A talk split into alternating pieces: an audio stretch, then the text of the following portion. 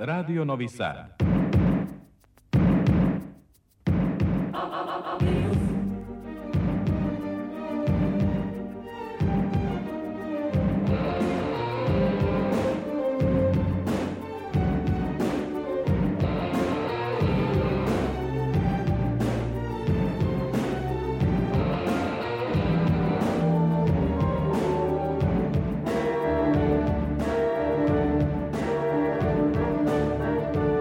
Spektar.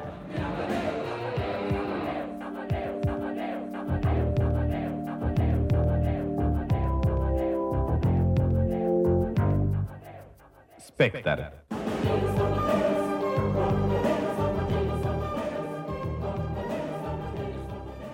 Dobro veče. Ja sam Tatjana Novčić-Matijević, počinje Spektar, magazin prvog programa radija, radio televizije Vojvodine za kulturu i o kulturi. Petak je 22 sata i 12 minuta i vreme je da da digestirano čujemo šta je sve bilo aktuelno prethodnih dana u kulturi i umetnosti na ovim prostorima. Bilo je prilično intenzivno i bilo je puno toga što se dešavalo, što će reći da ili smo koronu definitivno pobedili ili smo uh, pristali da funkcionišemo zajedno sa njom, kako god.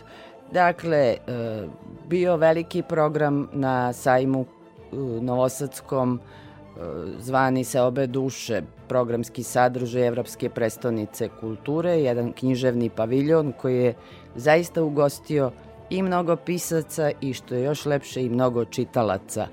Odavno ni, nije bilo takve situacije da među puno knjiga kola puno čitalaca i da su e, svi književni programi bili prilično e, puni zainteresovanih čitalaca. Bila i e, premijera filma, bilo jednom u Srbiji.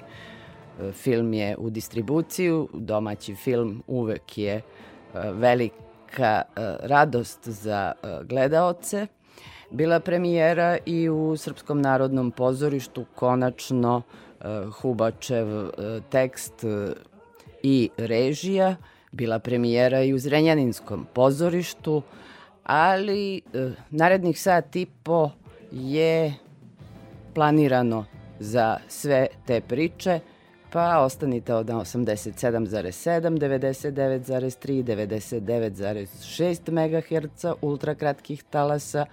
Posle prve muzičke numere otvaramo prvu priču.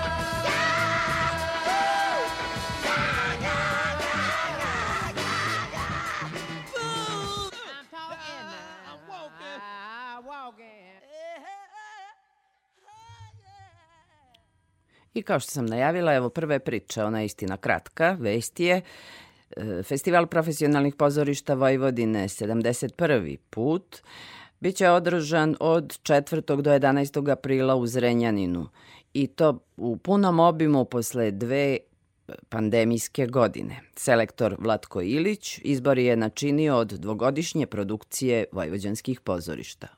U selekciju ono što čini takmičarski program ušlo je šest predstava, to su predstave Živi pesak iz Narodnog pozorišta Subotice, drama na mađarskom jeziku u režiji Kinge Mezeji, zatim predstava Kus Petlić po tekstu Aleksandra Popovića u režiji Milana Neškovića, takođe iz Narodnog pozorišta Subotica, drama na srpskom jeziku i zatim predstava koju je ubio Janis Joplin, Srpskog narodnog pozorišta, tekst Jene Grumić i režija Sonje Petrović, dve predstave iz pozorišta Deže Kostolanji, to su tri sestre, i predstava Viteza Vilake Male, e, autorski projekat Andraša Urbana i tu je i predstava Narodnog pozorišta Sombor, Tramva i Zvani Želja, e, Tennessee Williamsa, adaptaciji Tijene Grumić i režiju potpisuje Jug Đorđević. Sedmo festivala u čast nagrađenih biće odigrana predstava Naš grad e, Narodnog pozorišta Toša Jovanović iz Renjanina, a od dečjih predstava tri predstave su se izdvojile kao najbolje, to je Devočica sa šibicama, pozorišta mladih iz Novog Sada, zatim Viduga Čarapa iz e, Dečijeg subotičkog pozorišta i predstava Dečak i mesec iz e, Zrenjaninskog pozorišta.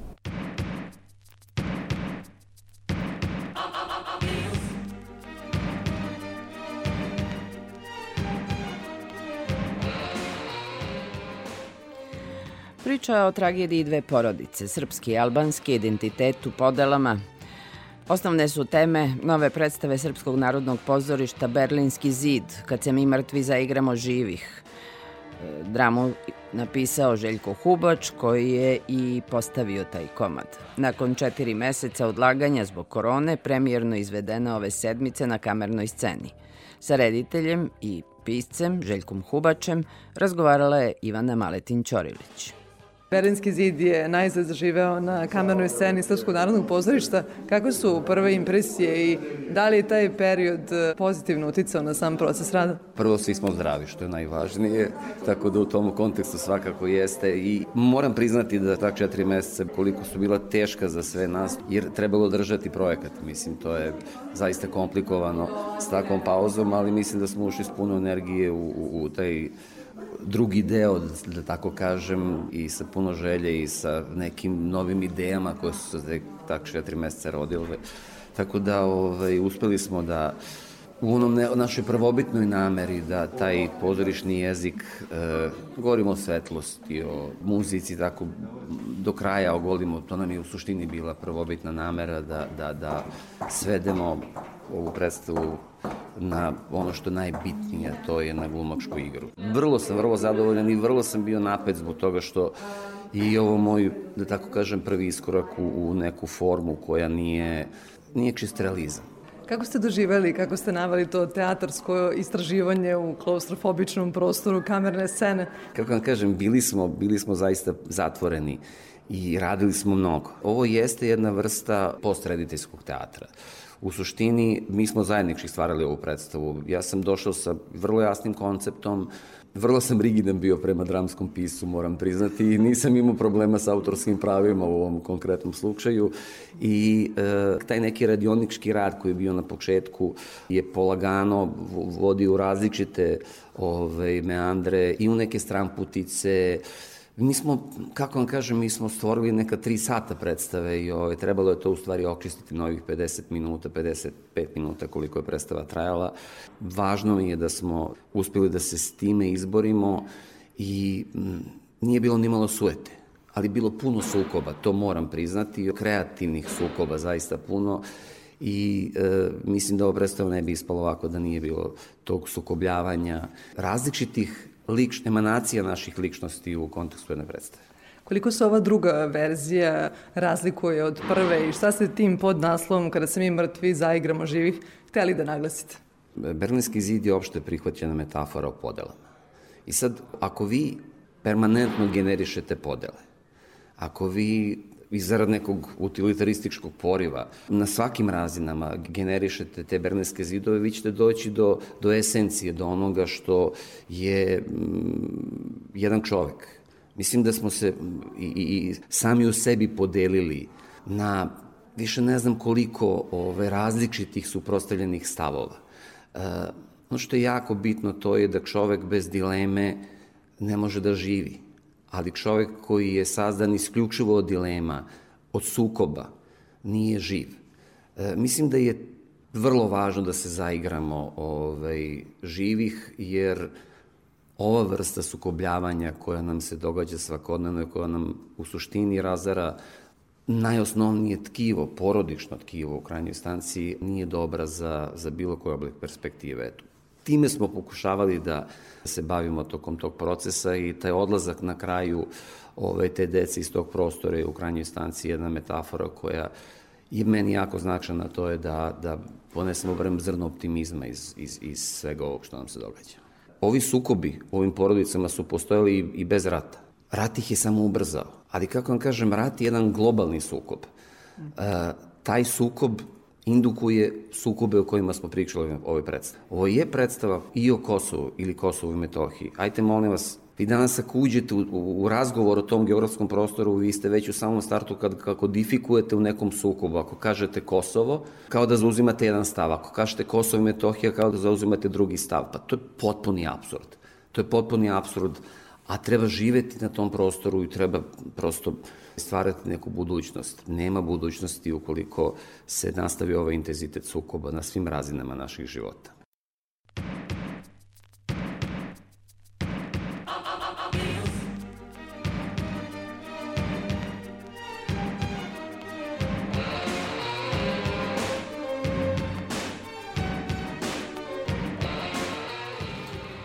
U Narodnom pozorištu Toša Jovanović u Zrenjaninu premijera komada Ludi kamen. Dve Čehovljeve jednočinke, Prosidbu i Medveda, adaptirao i na scenu postavio Radoslav Milenković, dugogodišnji umetnički direktor u tom teatru posle 2000-ih.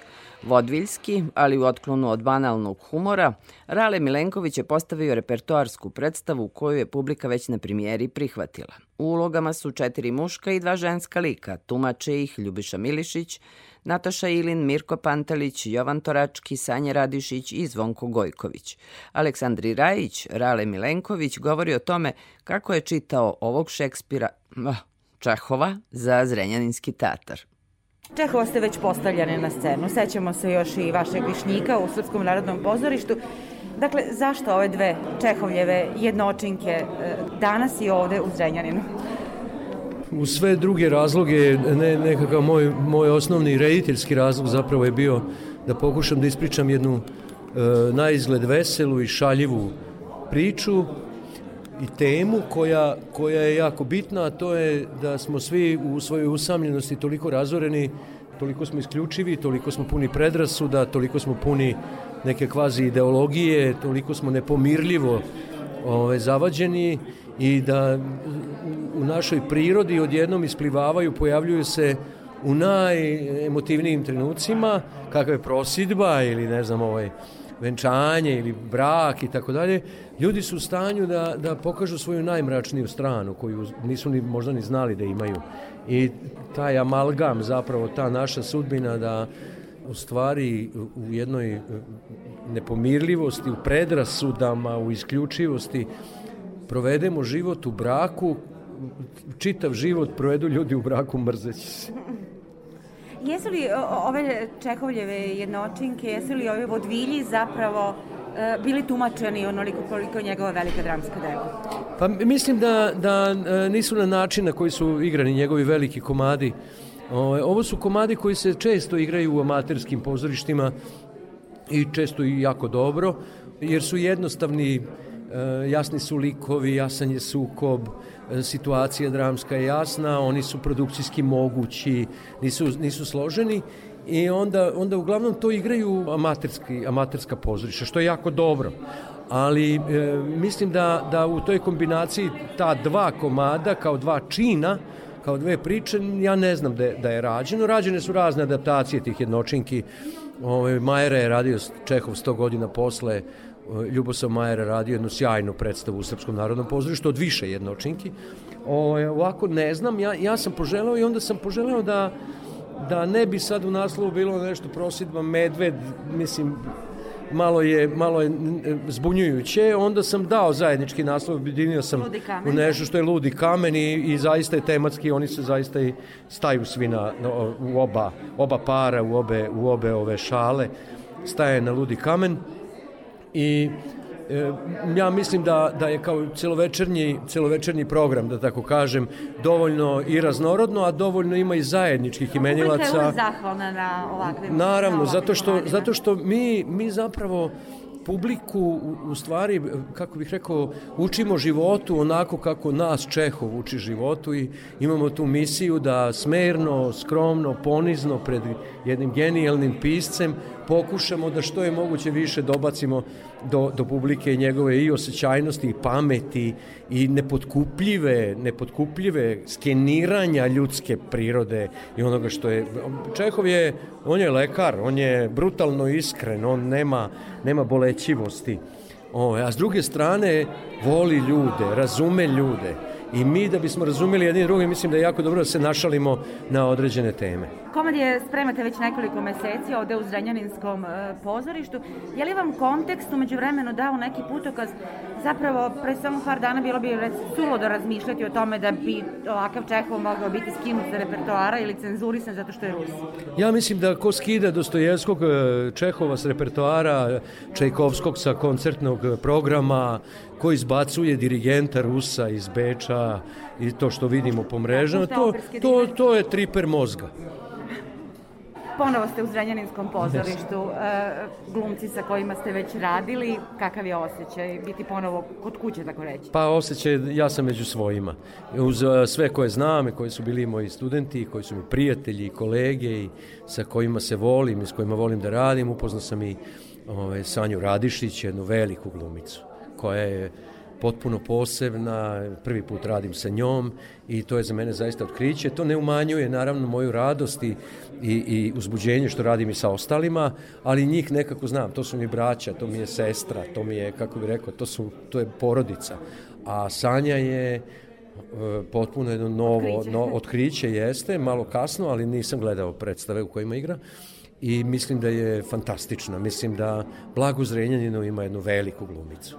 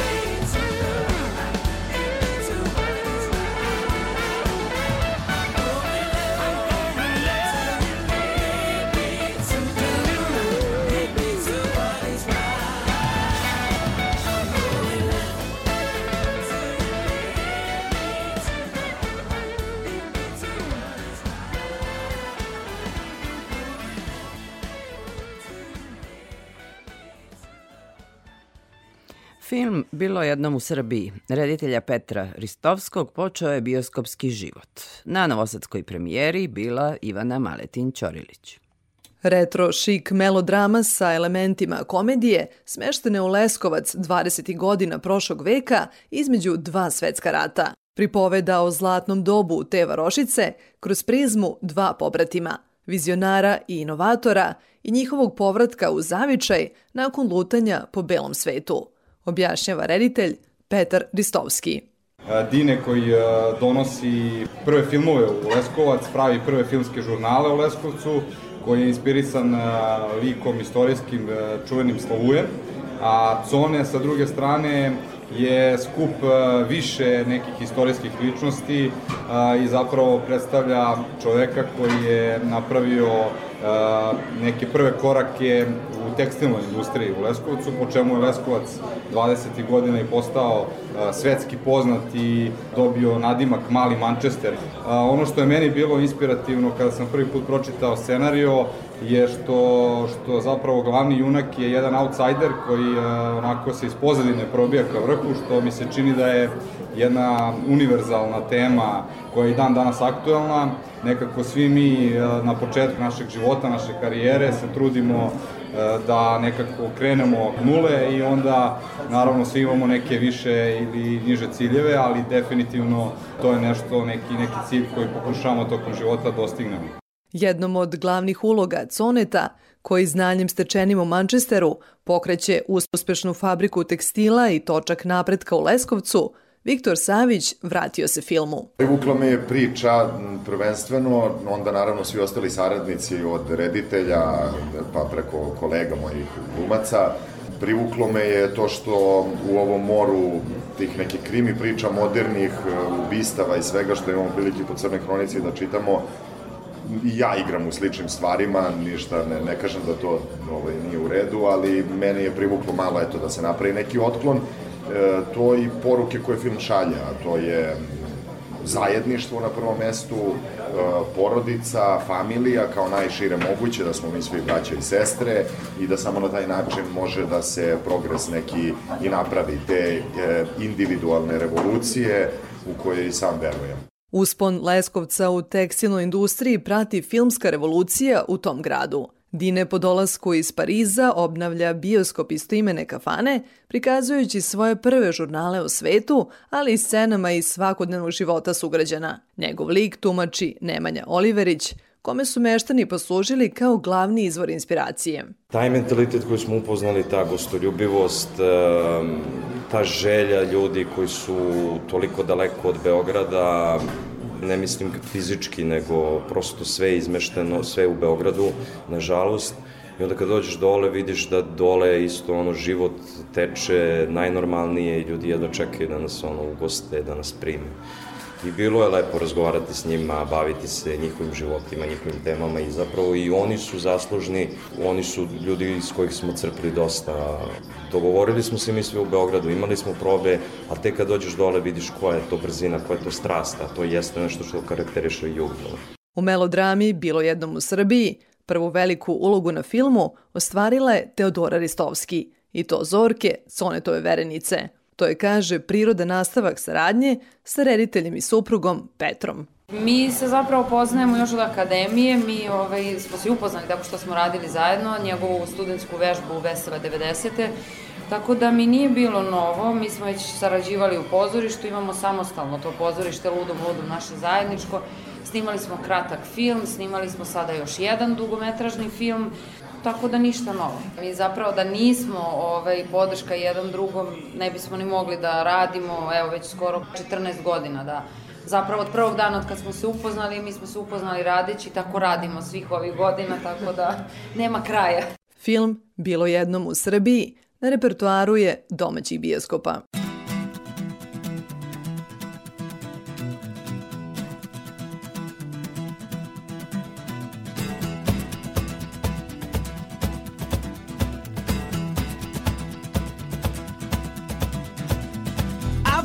Days away for what? For someone to say well done, for someone to say good job. Well, that's not for me. Don't need no one to hold my hand through this quest of life. See if I am wrong, or begrudge me if I'm right. But don't get me wrong at all, my friend. Your knowledge is in my head, and these stories are far too long, but intriguing, my friend. But why don't you piece what you can say? That thing at the back of your mind, that thing that's hacking away every day and every night. I got lost to find my way. Still, I'm standing in the dark with the one hand holding on tonight and one today.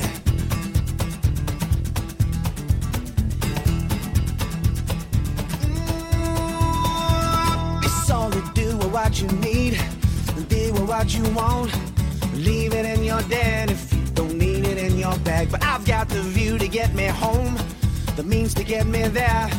The fire in my soul and the lighter in my hand. And I'll desecrate what I've been told to listen to myself.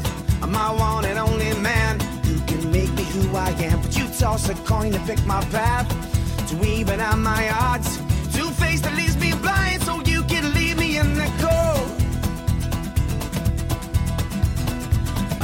got lost to find my way. So now I'm standing in the dark with one hand holding on tonight and one today.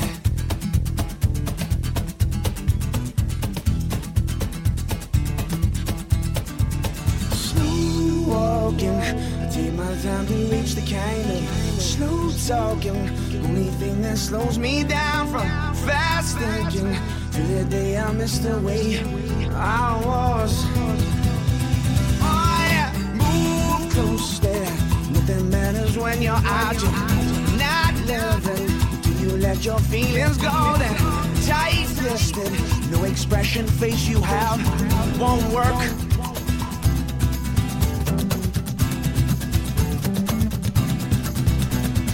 I got lost to find my way. Still, I'm standing in the dark with one hand holding on tonight and one today.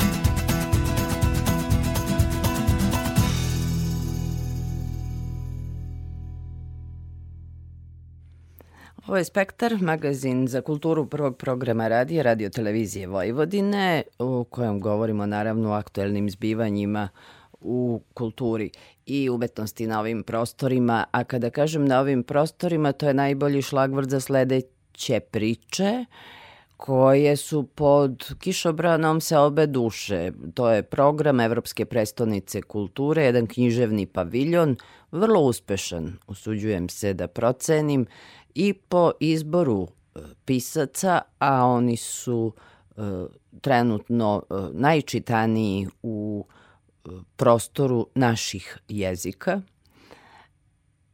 tako i po odazivu čitalaca. Naime, e, paralelno sa sajmom knjiga na Novosadskom sajmu e, dešavao se i taj program Se obe duše. U gosti otvorila ga je Rumena Bužarovska, ali o tome je bilo reči prošlog petka kad je zapravo e, sve svetkovine knjige su i počele prošlog četvrtka. Zatim je, rekla bih, domaće boje ili ti srpsku književnost predstavljala je Milica Vučković. Ona je za roman Smrtni ishod atletskih povreda dobila Vitalovu nagradu. Milica Vučković je čitana i u zemljama regiona.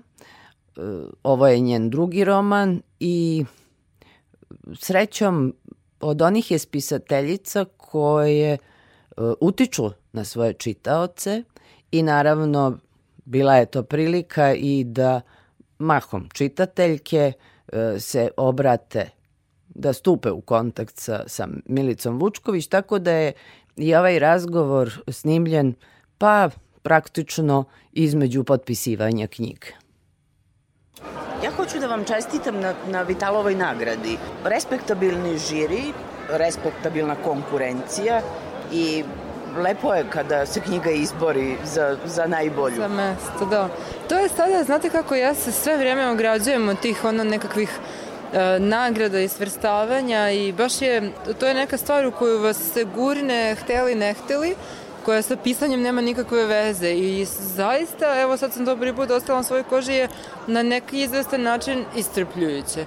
E, ono što i meni jeste drago je što e, često je to pitanje kao pa šta nagradu čini relevantnom i važnom i tako dalje, to je fakat i izbor laureata i stručno žirije i tako dalje, tako da za Vitalovu nagradu meni je zaista bilo drago da je primim, jer, jer zaista naslovi koji, ko, koji već niz godina stoji za te nagrade, hoću da kažem, bilo mi je drago da se nađem među tim imenima, iako vam moram priznati da isprva ovaj, sam se imala sam neki gard sprem toga, ali onda par dana nakon dodele e, sam shvatila da koliko mi je drago.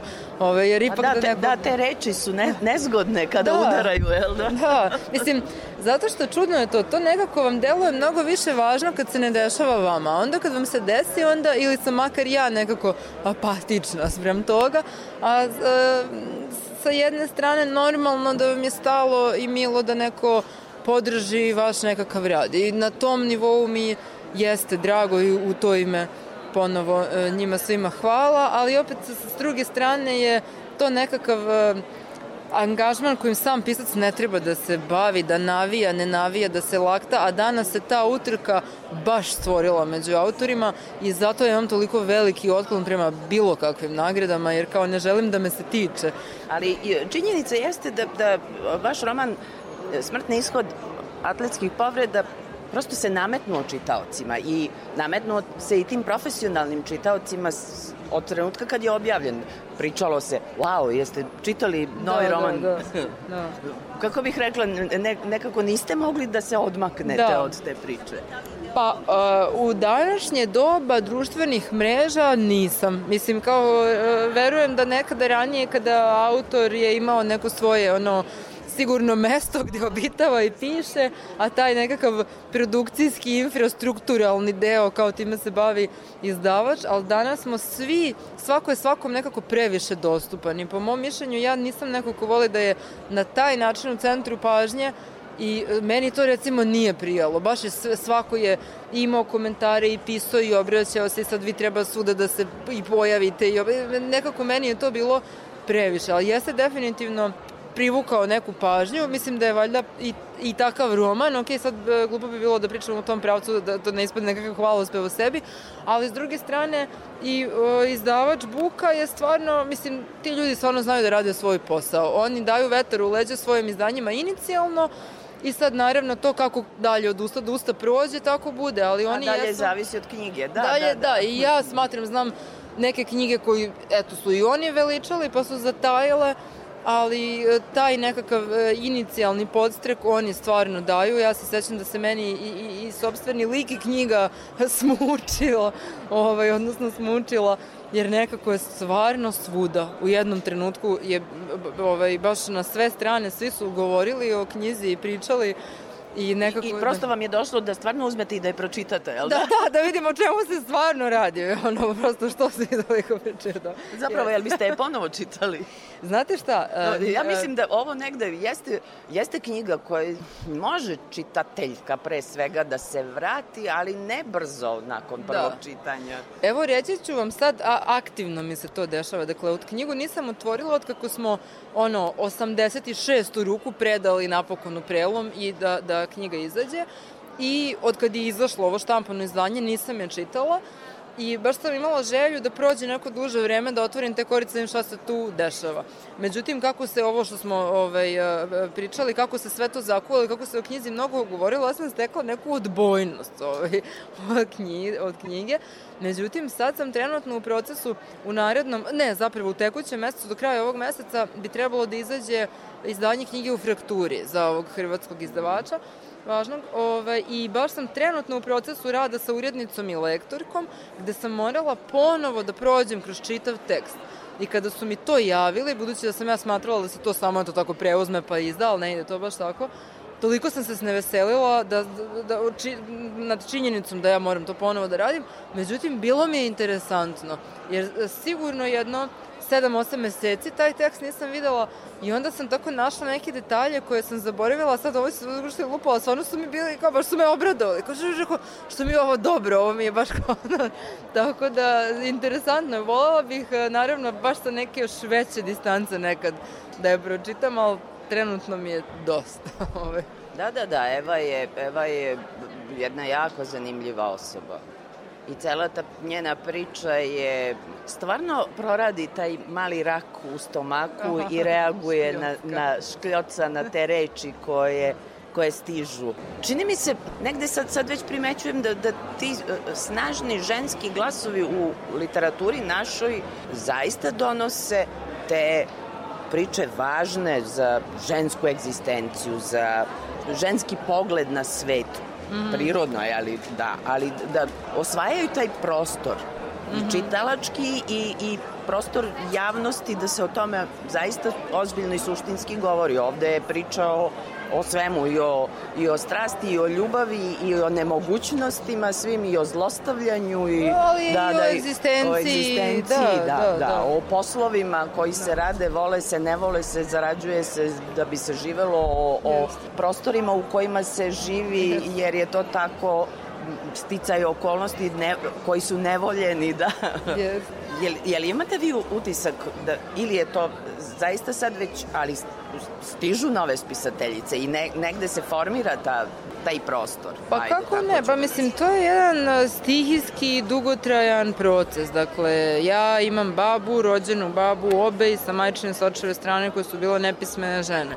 Moj deda rođen je napravio presedan da školuje moju majku i moje tetke. Dakle, žene su ranije nisu školovale, to je tuđa nafaka, prosto jedna izlišna investicija. Pa i zato, mislim, nije mi sad nemamo žene u literaturi jer je ovaj svet upravljen protiv žena u svakom smislu. Nije, prosto žena nije bilo ni u nauci, pa tako ni u književnosti u bilo kojoj grani bilo čega. Sad, mislim, treba puno vremena da prođe, da to može da se na neku ovaj na, neki način izjednači, ali ja mislim da ni to ne treba raditi prisilom, jer i ovako stihijski kako se već dešava, zaista ima puno ženskih autora već na sceni kako likovnoj, tako i književnoj. Čini mi se ponovo filmskoj manje, o tome niko ne govori, baš jako malo žena rediteljke znam, ali opet dešava se, mislim i prosto pruža se prostori. Ja mislim da je sad u kontekstu te nekakve feminističke borbe najbolja borba dobro raditi svoj posao, a ne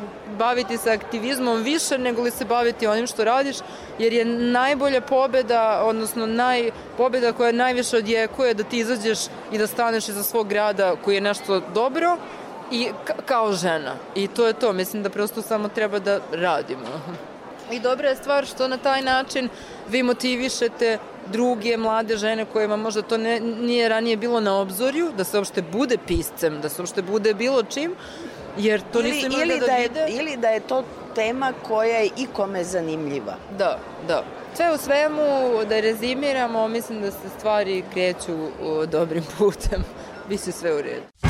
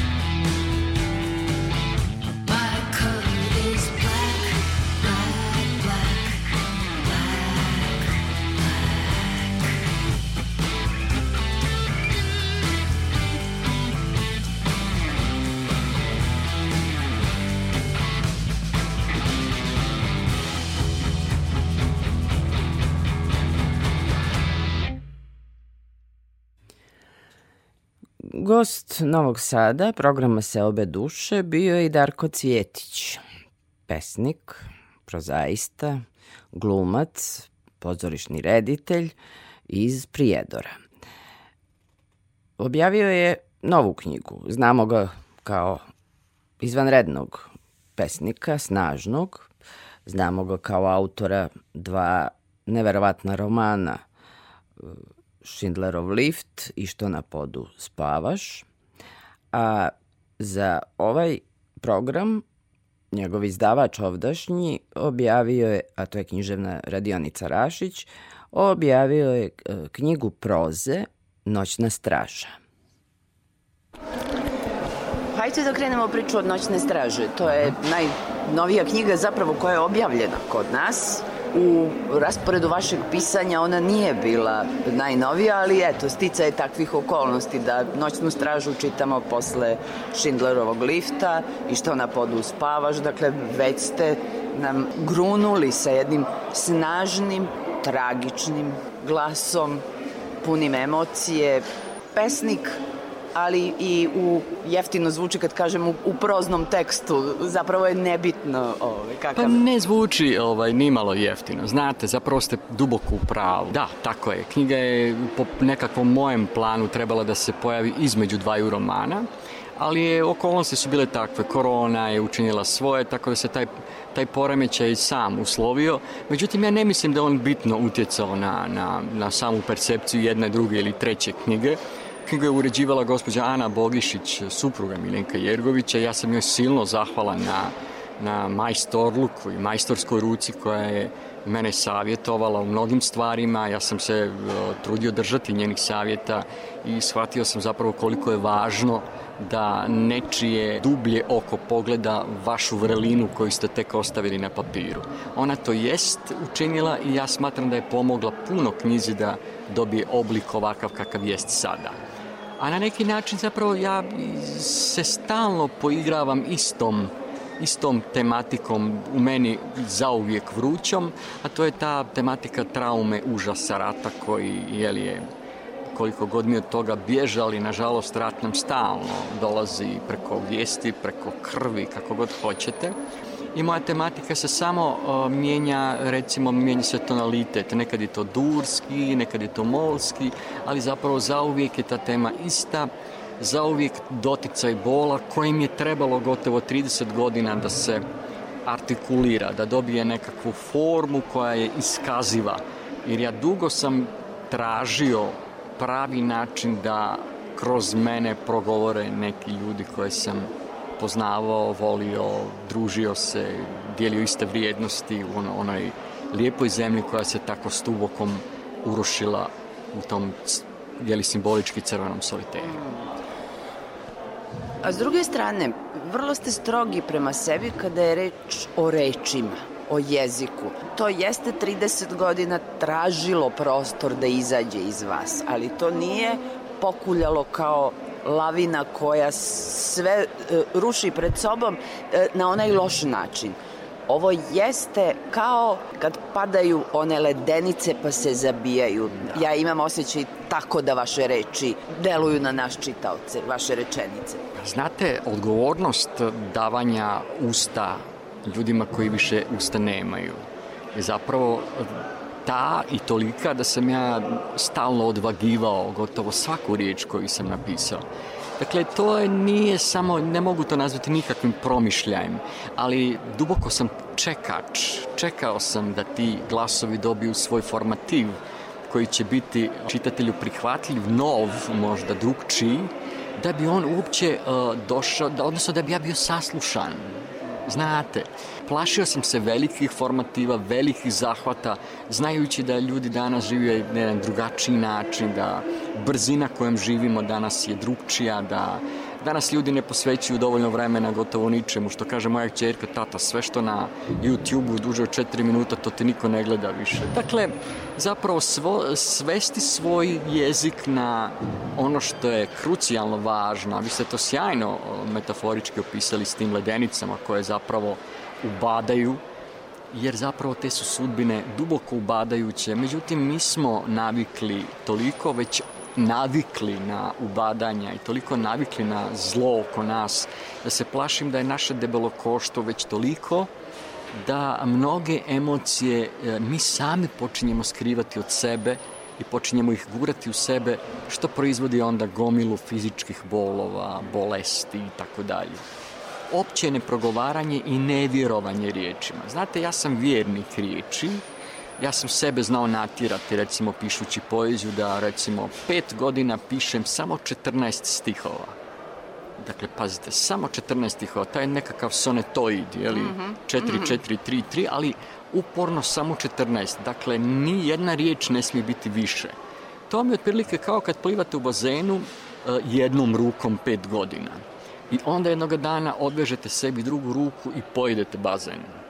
Pojedete ga u dva zamaha zapravo ste sebe disciplinirali na jedan način, ste naučili cijeniti vodu, cijeniti udah, cijeniti vrijeme zamaha, cijeniti svoj prodor kroz vodu i voda vam uzvraća na taj način što vam se od jedan puta čini puno lakšom nego jeste. Od jedan puta je ta voda više nije vodom nego je zrakom pred vas mm. i vi kroz to prođete.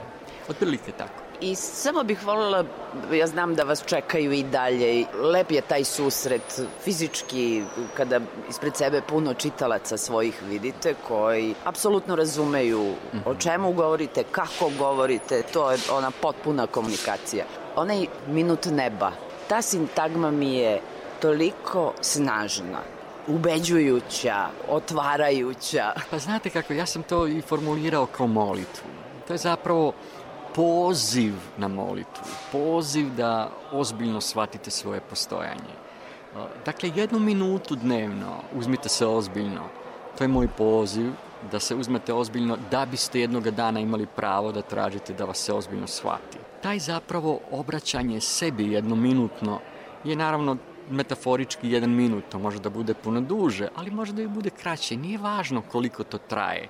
Važno je da ima dovoljnu dozu iskrenosti, prodornosti u toj iskrenosti i nebo vam uvijek uzvrati. Od jedan puta vidite sebe, vidite svoju nutrinu, vidite svoja rebra u oblacima, vidite otkuce svojeg srca u damaranju neba, vidite plavost koju zapravo, u kojoj počivaju vaše oči, vidite u kiši svoje suze, od jedan puta shvatite da zapravo naša prolaznost je tako munjevita, tako, kako to Beckett kaže, žene rađaju raskrečene nad grobom.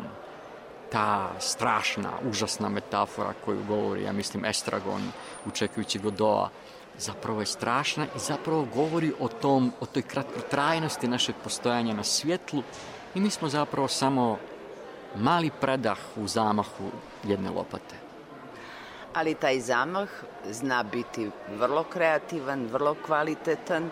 A kakvo je osjećanje kad, kad objavite knjigu, s obzirom da ste strogi prema sebi i da imate tu zaista metafizički odnos? Pa ja vam se jako teško ovaj, ponovno vraćam na to. Dakle, to je baš fizičko osjećanje bola. Ja mnoge svoje knjige gotovo više nisam dirnuo nakon toga kad je Kokan radio predstavu, Kokan, gospodin Kokan Mladenović, kad je radio Schindlerov lift, onda sam ja zapravo bio primoran da se ponovno bavim tom temom. Od jedan put sam pronašao gomilu promašaja, gomilu stvari koje nipošto nisam smio tako uraditi. Od jedan put sam osjetio da sam neke stvari potpuno fulao, da sam trebao da budem puno stroži, da možda neka poglavlja koje sam izbacio vratim, da ne... Dakle, naime, dilematski položaj se od jedan puta pojačava.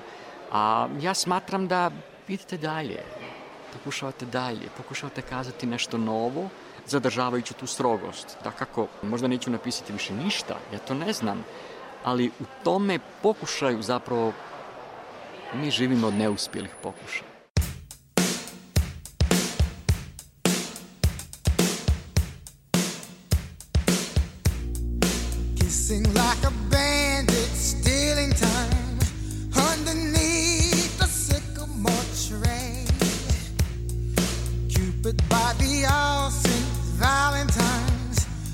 To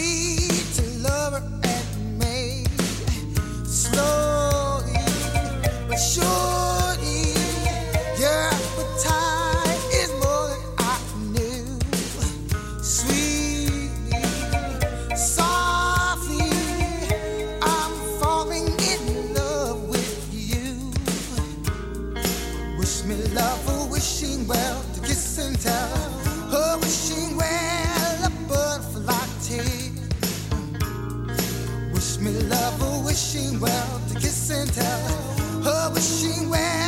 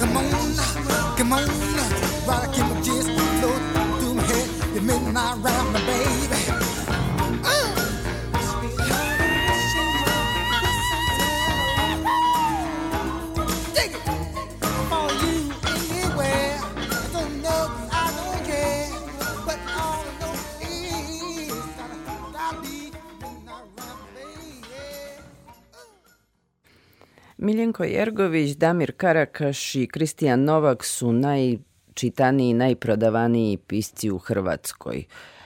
Sva trojica bilo je planirano da gostuju u Novom Sadu, nažalost Kristijan Novak je u posljednjem trenutku otkazao gostovanje, razlog je temperatura, da li sa e, covidom ili ne, kako god. Dakle, Damir Karakaš na dobrom je putu da postane e, velika e, zvezda književna.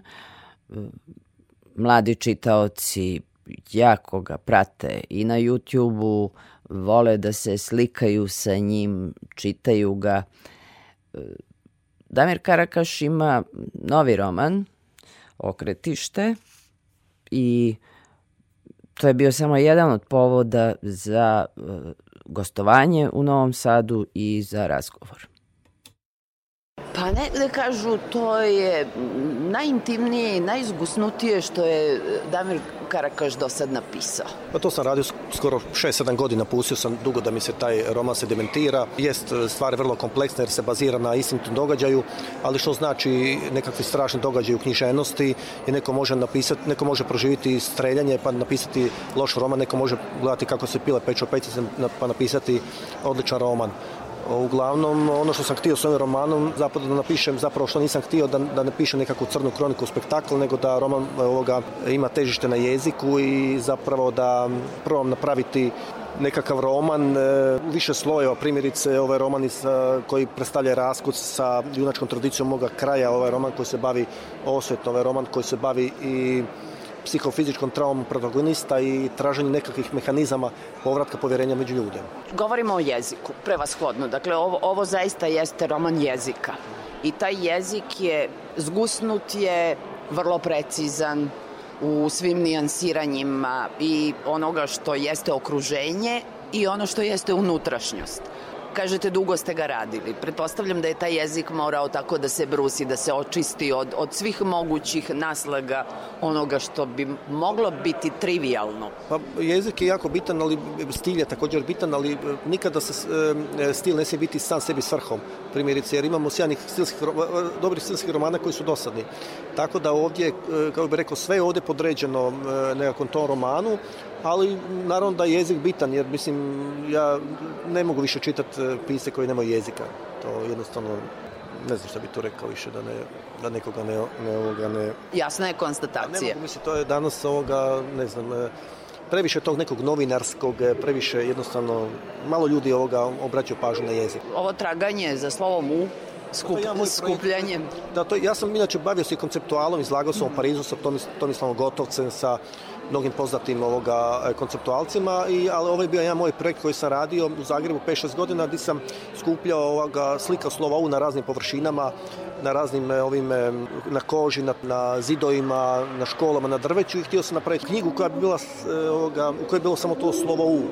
I međutim, ovoga, eto, to, to zapravo to sam radio i kada se dogodio ovaj napad na mene, ali nakon nekog vremena e, shvatio sam da, da ću nekako usložiti ovoga taj, taj projekt, ovaj roman, eto tako je završen taj projekt, a i ta slova U možda možemo čitati i kao nekakav rebus. I je li na kraju zaista najvažnija konstatacija živ sam i dobro je?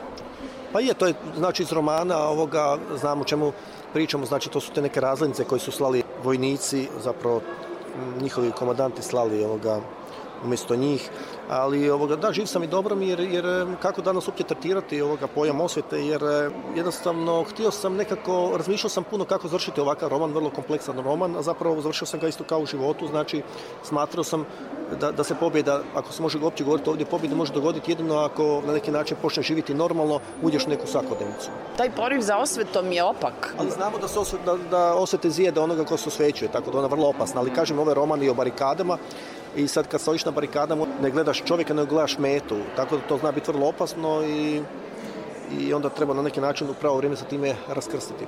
I onda treba uzeti i pisati, ja sam, pisati, ja da, da, da, da. Ja sam napisao roman u kojem sam, u romanu pokušao sam objasniti ovoga šta se dogodilo, kako i na koji način, ali ovoga, naravno, pokušao sam i ići tim tragom da vidim šta bi se moglo dogoditi, ali uvijek sam nekako nalazio na trag đavola ima i jedna rečenica od Petra Hanka koja je bila jako bitna za pisanje ovog romana, to je, ona glasi to iz njegovog romana Užas praznine ili danas kako se prevodi Bezželjena nesreća.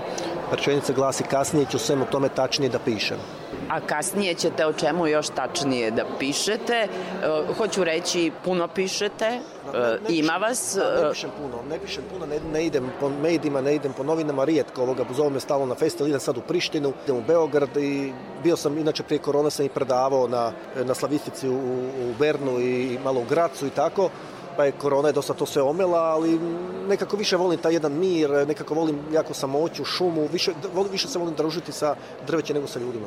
Igra vam i pozorišna predstava. Imali ste film po, sad po radi, vašem... Sad se, radi, sad se radi na jesen Pavlikovski e, pomaže na scenariju, znači u Varšavi e, po romanu Proslava na jesen će krenuti snimanje a u ITD u kazalištu igram i kazališna predstava. Ali ja sam pisac koji živim od pisanja, ali na, na način da se nisam, nisam se komercijalizirao, nisam se nikome ovoga, kako bih rekao, e, popustio, jednostavno držim neki svoj nivo i tako da u biti, eto... Ali ste očigledno intrigantni i e, autorima iz drugih umetnosti da vas prevode pa neki, u druge da, umetničke misle, jezike. Neki misle da, da je to sve zbog toga što imam kaput ovaj mornarički. Tako su oni Romi u Bordeaux mislili kad sam svirao da je to zbog šešira, pa sam ga išao u Pariz, trčali su za mnom da, da otkupe taj šešir. A šešir je ostao? Šešir je ostao, inače šešir sam kupio u Splitu za 2 eura i ono kad sam svirao u Parizu, nema čovjeka koji nije došao tražio me da mu ovoga da mu dajem taj šešir, e, onda sam shvatio da nije fora u šeširu, nego glavi na kojoj stoji. Inače, šešir je zanimljiv odjedni predmet. E, ako želiš da dobro stoji, moraš biti siguran u sebe. Ako nisi siguran u sebe, on loše stoji. Save me from drowning in the sea Beat me up on the beach What a lovely holiday There's nothing funny left to say This somber song will drain the sun, but it won't shine until it's sun. No water running in the stream, the saddest place we've ever seen. Everything I touched was golden, everything I loved got broken on the road to Mandalay. Every mistake I've ever made has been rehashed and then replayed as I got lost along the way. Bum bum bum ba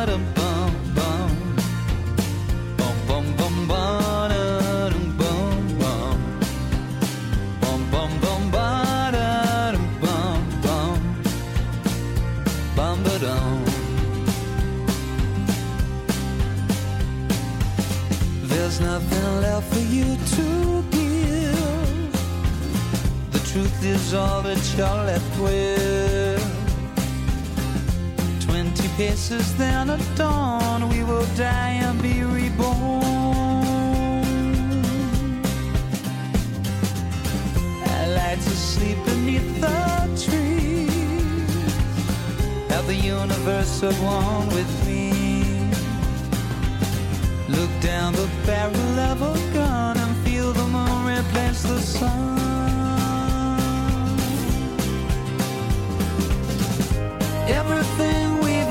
Stolen has been lost, returned, or broken. No more dragons left to slay. Every mistake I've ever made has been rehashed and then replayed as I got lost along the way. Bum bum.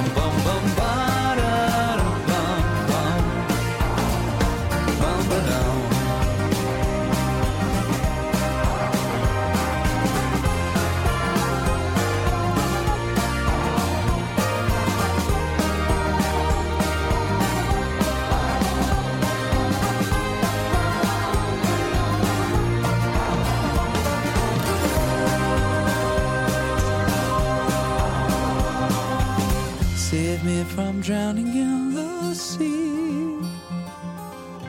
Beat me up on the beach. What a lovely holiday, there's nothing funny left to say.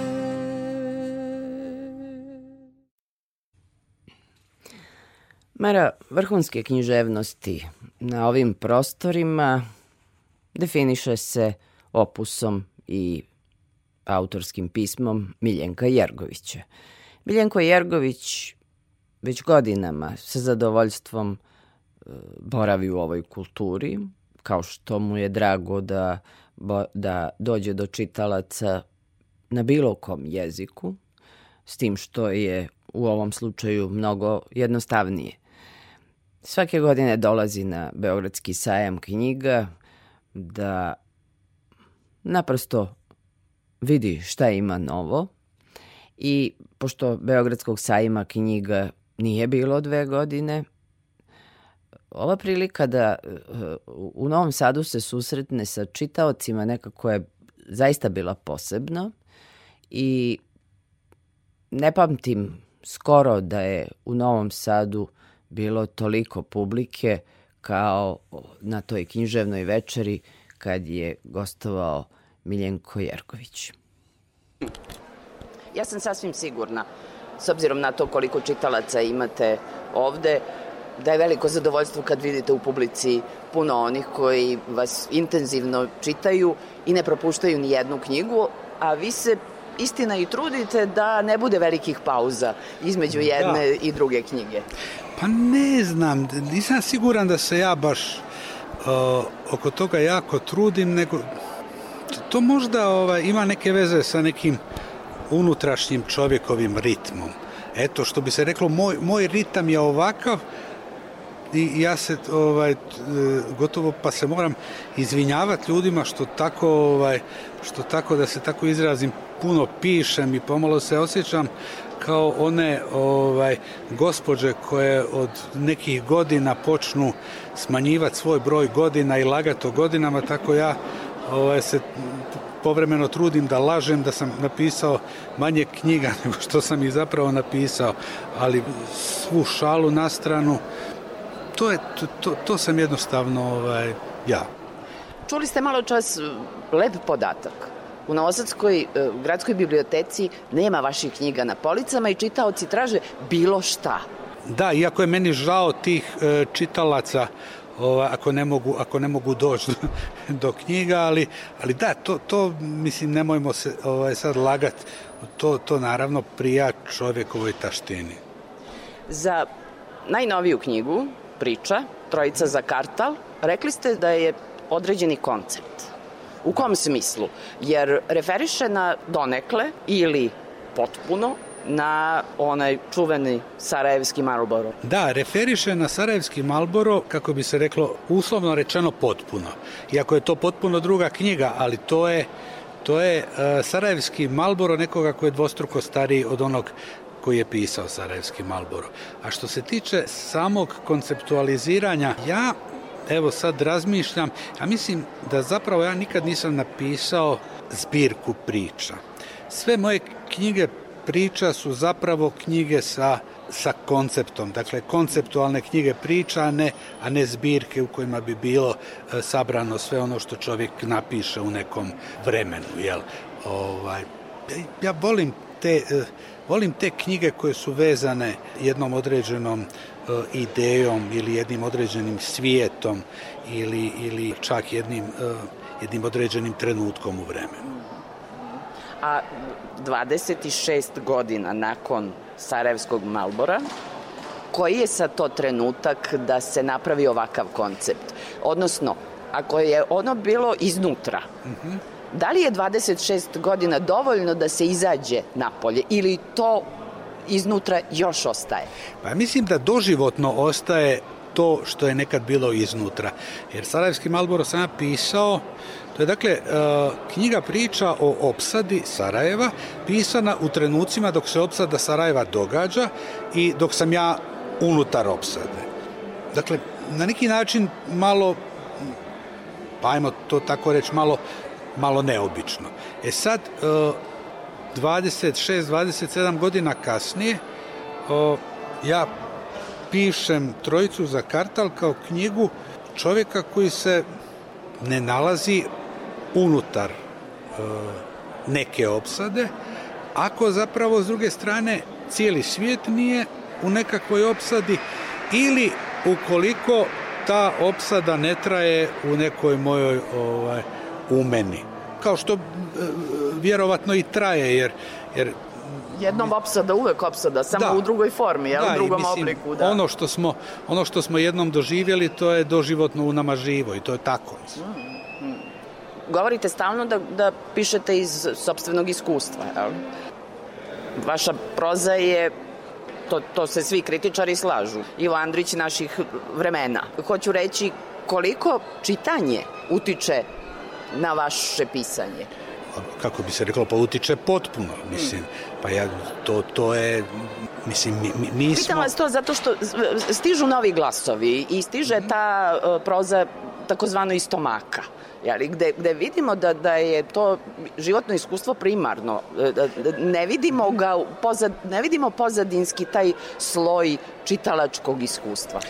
Ja za početak nisam siguran da baš jako volim uh, književnost iza koje ne stoji čitanje i ni, ni, nisam siguran da me to zanima. Uh, to, to je manje više od uvijek bilo tako, jer ne samo da ne možete pisati ako to ne proizlazi iz ne samo da ne možete pisati ako to ne proizlazi iz čitanja, nego ja mislim da nemate ni razloga da pišete ako ne čitate.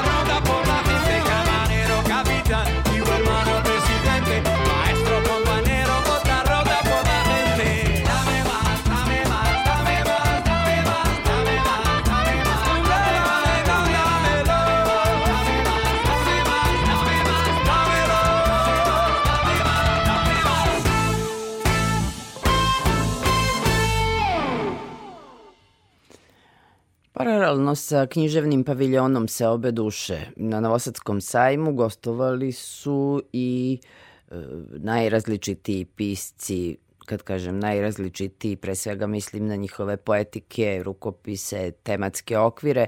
Taj program Gostujući pisci otvorila je e, Milena Marković, ali to ste takođe imali prilike da čujete prošlog petka, a zatvorio ga je Ante Tomić. E, pisac, kolumnista iz Splita, koji ja mislim da uh, nema čitaoca koji ne zna bar jedan njegov tekst, ako nije čitao, a ono sigurno su gledaoci uh, gledali i Karaulu i Ustav uh, Republike Hrvatske, gde je radio scenario sa uh, Rajkom Grlićem i taj tandem i dalje stvara. U ostalom, čujmo Antu Tomića. Pisac, kolumnista, mm -hmm. scenarista, pisac za decu. Da. Ajde da krenemo od toga šta ima novo. Pa ništa, radim za novine.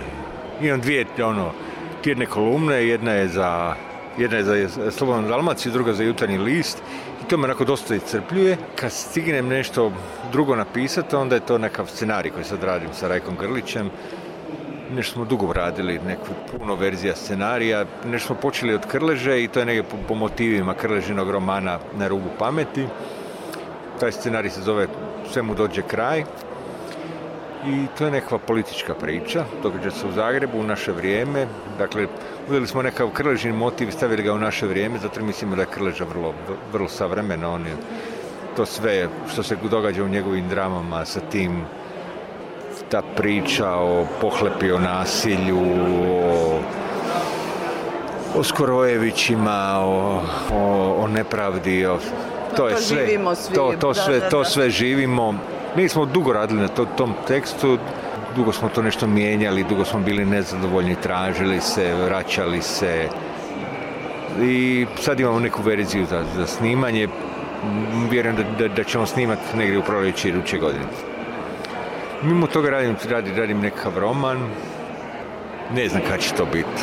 Onako... Sam dobro shvatila da, da roman sad, svi do sadašnji romani su manje više ovo vreme koje da, živimo. Da, ovo, ovo A ovo je sad malo iskorak u takozvanu istoriju. Da, ovo je istorija. Ovo je istorija, ovo je, ovo je 18. stoljeće, početak 18. stoljeća, ovaj, kad je to, taj moj zavičaj iz kojeg ja dolazim, ovaj, kad je ono prešao iz, iz, iz turskih u, u, u, u mletačke ruke, da. Tu se napravila nekakva granica prema Hercegovini, tu, to, to, to je taj dio Hercegovine i ta granica je dan danas tu.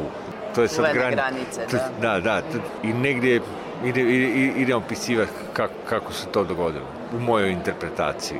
Taj iskorak u istoriju, je li to ciljano od, od prezasićenja današnjom istorijom koja zapravo to nije, da. ali nam se servira kao istorija. Ili možda da, jeste? Da, da, da. Pa ja mislim, e, ja mislim da smo mi stvarno prezasićeni istorijom. Dakle, da, dakle mi smo prezasićeni tom istorijom, tom službenom, službenom istorijom, službenom povješću koja je takva i, i ja mislim da je u, u njoj puno u tim lažima, u tim falsifikatima, o na, našim e, iz tih laži je je došla sva nesreća.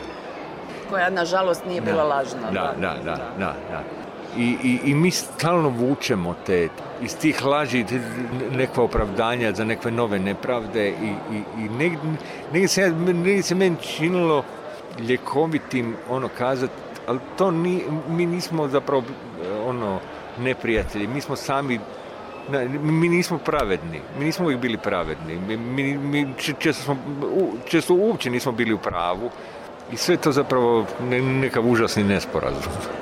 Od te zgusnute takozvane istorije, od, da. a zapravo od zgusnute Je, me, me, propagande da, da. O, o takozvanoj istoriji, da. ti si stalno nalazio humor kao dobro sredstvo da, za da. izduvne ventile za sve nas. Da. Ja sjećam jedne, jedne, jedne baš vojvođanske priče, baš, baš, baš na tu temu. E, jednom, jednom sam bio jednom sam bio u ovaj prije deset godina će to sad biti u, u Mokrinu, u jednoj rezidenciji, tamo je bio uh, uh, Đerić Horvat pisac iz Malog Iđoša, koji je Serb sam sinac, Horvat. da, da, i Đer Serb Horvat. I Đer Serb, Serb Horvat je, je tu, tu napisao jednu priču koja mi je bila predivna o tome kako su do, doselili e, Egipćani u njegovo selo, koje je inače čisto mađarsko.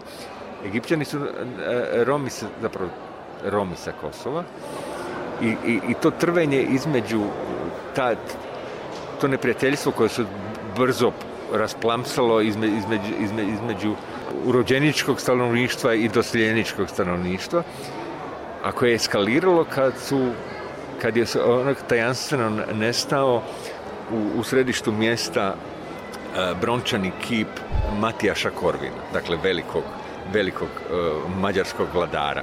Mađari su, ne znam, s razlogom ili ne, posumnjali da su da su ga Egipćani po noći ovaj, ukrali i, i, i prodali kao sekundarne... Pretopili. Da. Ja sam pomislio ja sam pomislio da, da bi se to zapravo nama svima trebalo dogoditi. Da nam neko uzme tu istoriju i, i, da, je, i da je pretopi.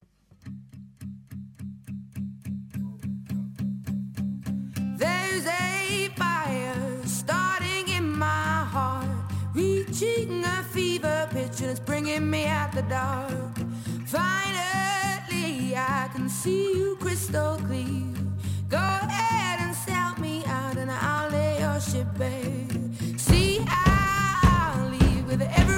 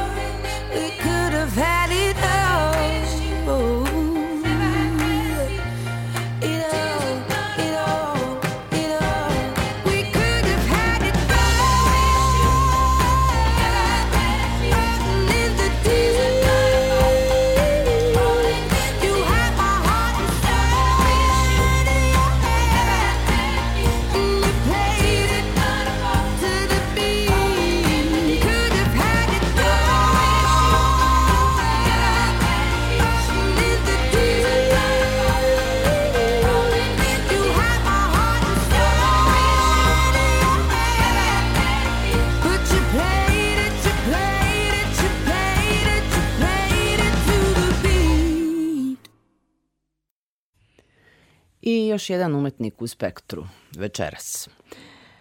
Multimedijalni umetnik Stevan Kojić, ovogodišnji je dobitnik nagrade Sava Šumanović. To je nagrada koju dodeljuje Art Expo, umetnička izložba na Novosadskom sajmu, a sa Stevanom Kojićem razgovarala je Aleksandra Rajić.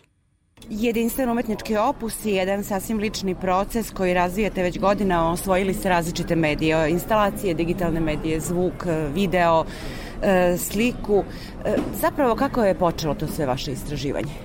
Ne znam, verovatno je počelo još na akademiji kada sam iz razloga u stvari najviše nedostatka prostora vajarskog a, ateljeja počeo više da radim neke manje stvari, odnosno digitalne grafike i animacije na kompjuteru, ali kao upotreba tehnologije, inače me ovaj, sad onako kao klasična ona priča još iz osnovne škole i srednje škole, elektrotehnika, matematika, programiranje i tako dalje.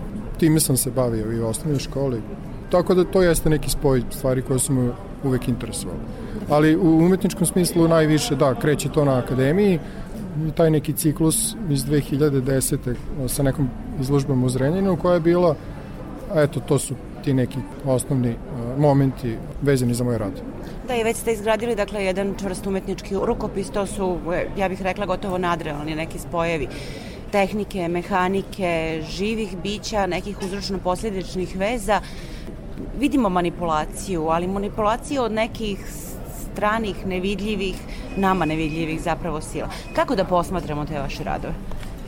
Upravo, da, do, dobro je pitanje, ali u stvari to i jeste odgovor. E, možete da posmatrate apsolutno na taj način, dakle kao nešto što možda mi ne možemo da kontrolišemo, ni kao posmatrači, ni ja kao autor, već kao neki sistem koji je postavljen u određenu konstelaciju koja prosto onda nastavlja da postoji i da, ako možemo tako da kažemo, živi taj neki svoj život unutar tog sistema, zato što tu i postoje neka živa bića koja komuniciraju, odnosno suživot Zapravo koji su sistemi predmeta vaše pažnje, to nisu samo ekosistemi. To je malo šire priče. Da, da, osim ekosistema, tu su opšte sistemi koji su možda da, više vezani za kontrolu, odnosno tu manipulaciju. manipulaciju, sistemi moći bazirani na evo, posmatranju i kontroli uz pomoć naravno tehnologije. Ono što je takođe karakteristično za vaš rad to je potpuno odsustvo čoveka kao predmeta umetnikovog interesovanja. Gde je zapravo čovek na vašim radovima i gde je publika u odnosu na njih? Pa da, jeste, da, to, to ste dobro primetili. Ovaj, mene u stvari interesuju da, ti prostori koji a, u principu nemaju a, naznaku direktnu naznaku čoveka koji tu postoji, već kao, kao neki prostori koji funkcionišu apsolutno bez prisustva ljudi, ali se osjeća ljudsko prisustvo upravo u tom odsustvu. A publika ono don't touch i ništa više ili? Ne, ne, ne, apsu, publika apsolutno da, jeste uh, jako bitan deo zato što kao neko ko ponovo dolazi u taj prostor u kome nema nikoga. E, izlagali ste u celom svetu, kakva su vaše iskustva, koliko je, e, koliko, kako ovi radovi komuniciraju sa najširom publikom? Ne znam koliko su komunikativni, u svakom slučaju oni ovaj, otvaraju možda neka pitanja, sad naravno zavisi i od prethodnog iskustva publike. Danas to nije više ništa naravno novo, publika je već navikla na ovu vrstu radova i mislim da dakle u tom smislu nema više sad nekih iznenađenja za, za publiku. Kako ćete zapravo razvijati ovu svoju umetnost? E, kako se krećete u svim tim medijima, a iz dana u dan, ne samo iz godine u godinu, su sve zahtevniji, sve složeniji i sve izazovniji? Pa ne znam, meni je to nekako jednostavno tehnika, da, ona se razvija konstantno, ali i ako pratite redovno, onda se i vi zajedno da kažem, interesovanja se razvijaju, kada počnete da radite jedno, to naravno otvara puno nekih novih mogućnosti poglavlja vezanih za umetnost i u smislu razvoja tehnologije, tako da svaki dan ima nešto novo da se nauči i da se proba.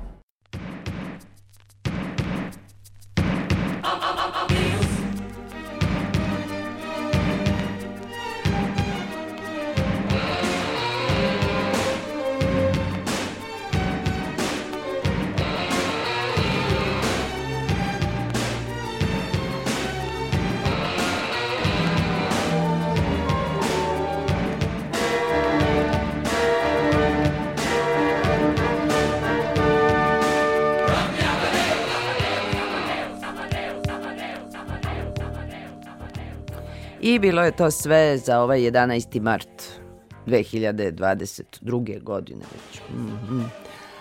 Spektar ponovo i narednog petka sa novim pričama o kulturi i umetnosti na ovim prostorima. Za vas koji više volite da slušate odloženo, znate da od naredne sedmice će Spektar biti na sajtu Radio Televizije Vojvodine, a laku noć i dobre snove, kao i uvek, želi vam Tatjana Novčić-Matijević.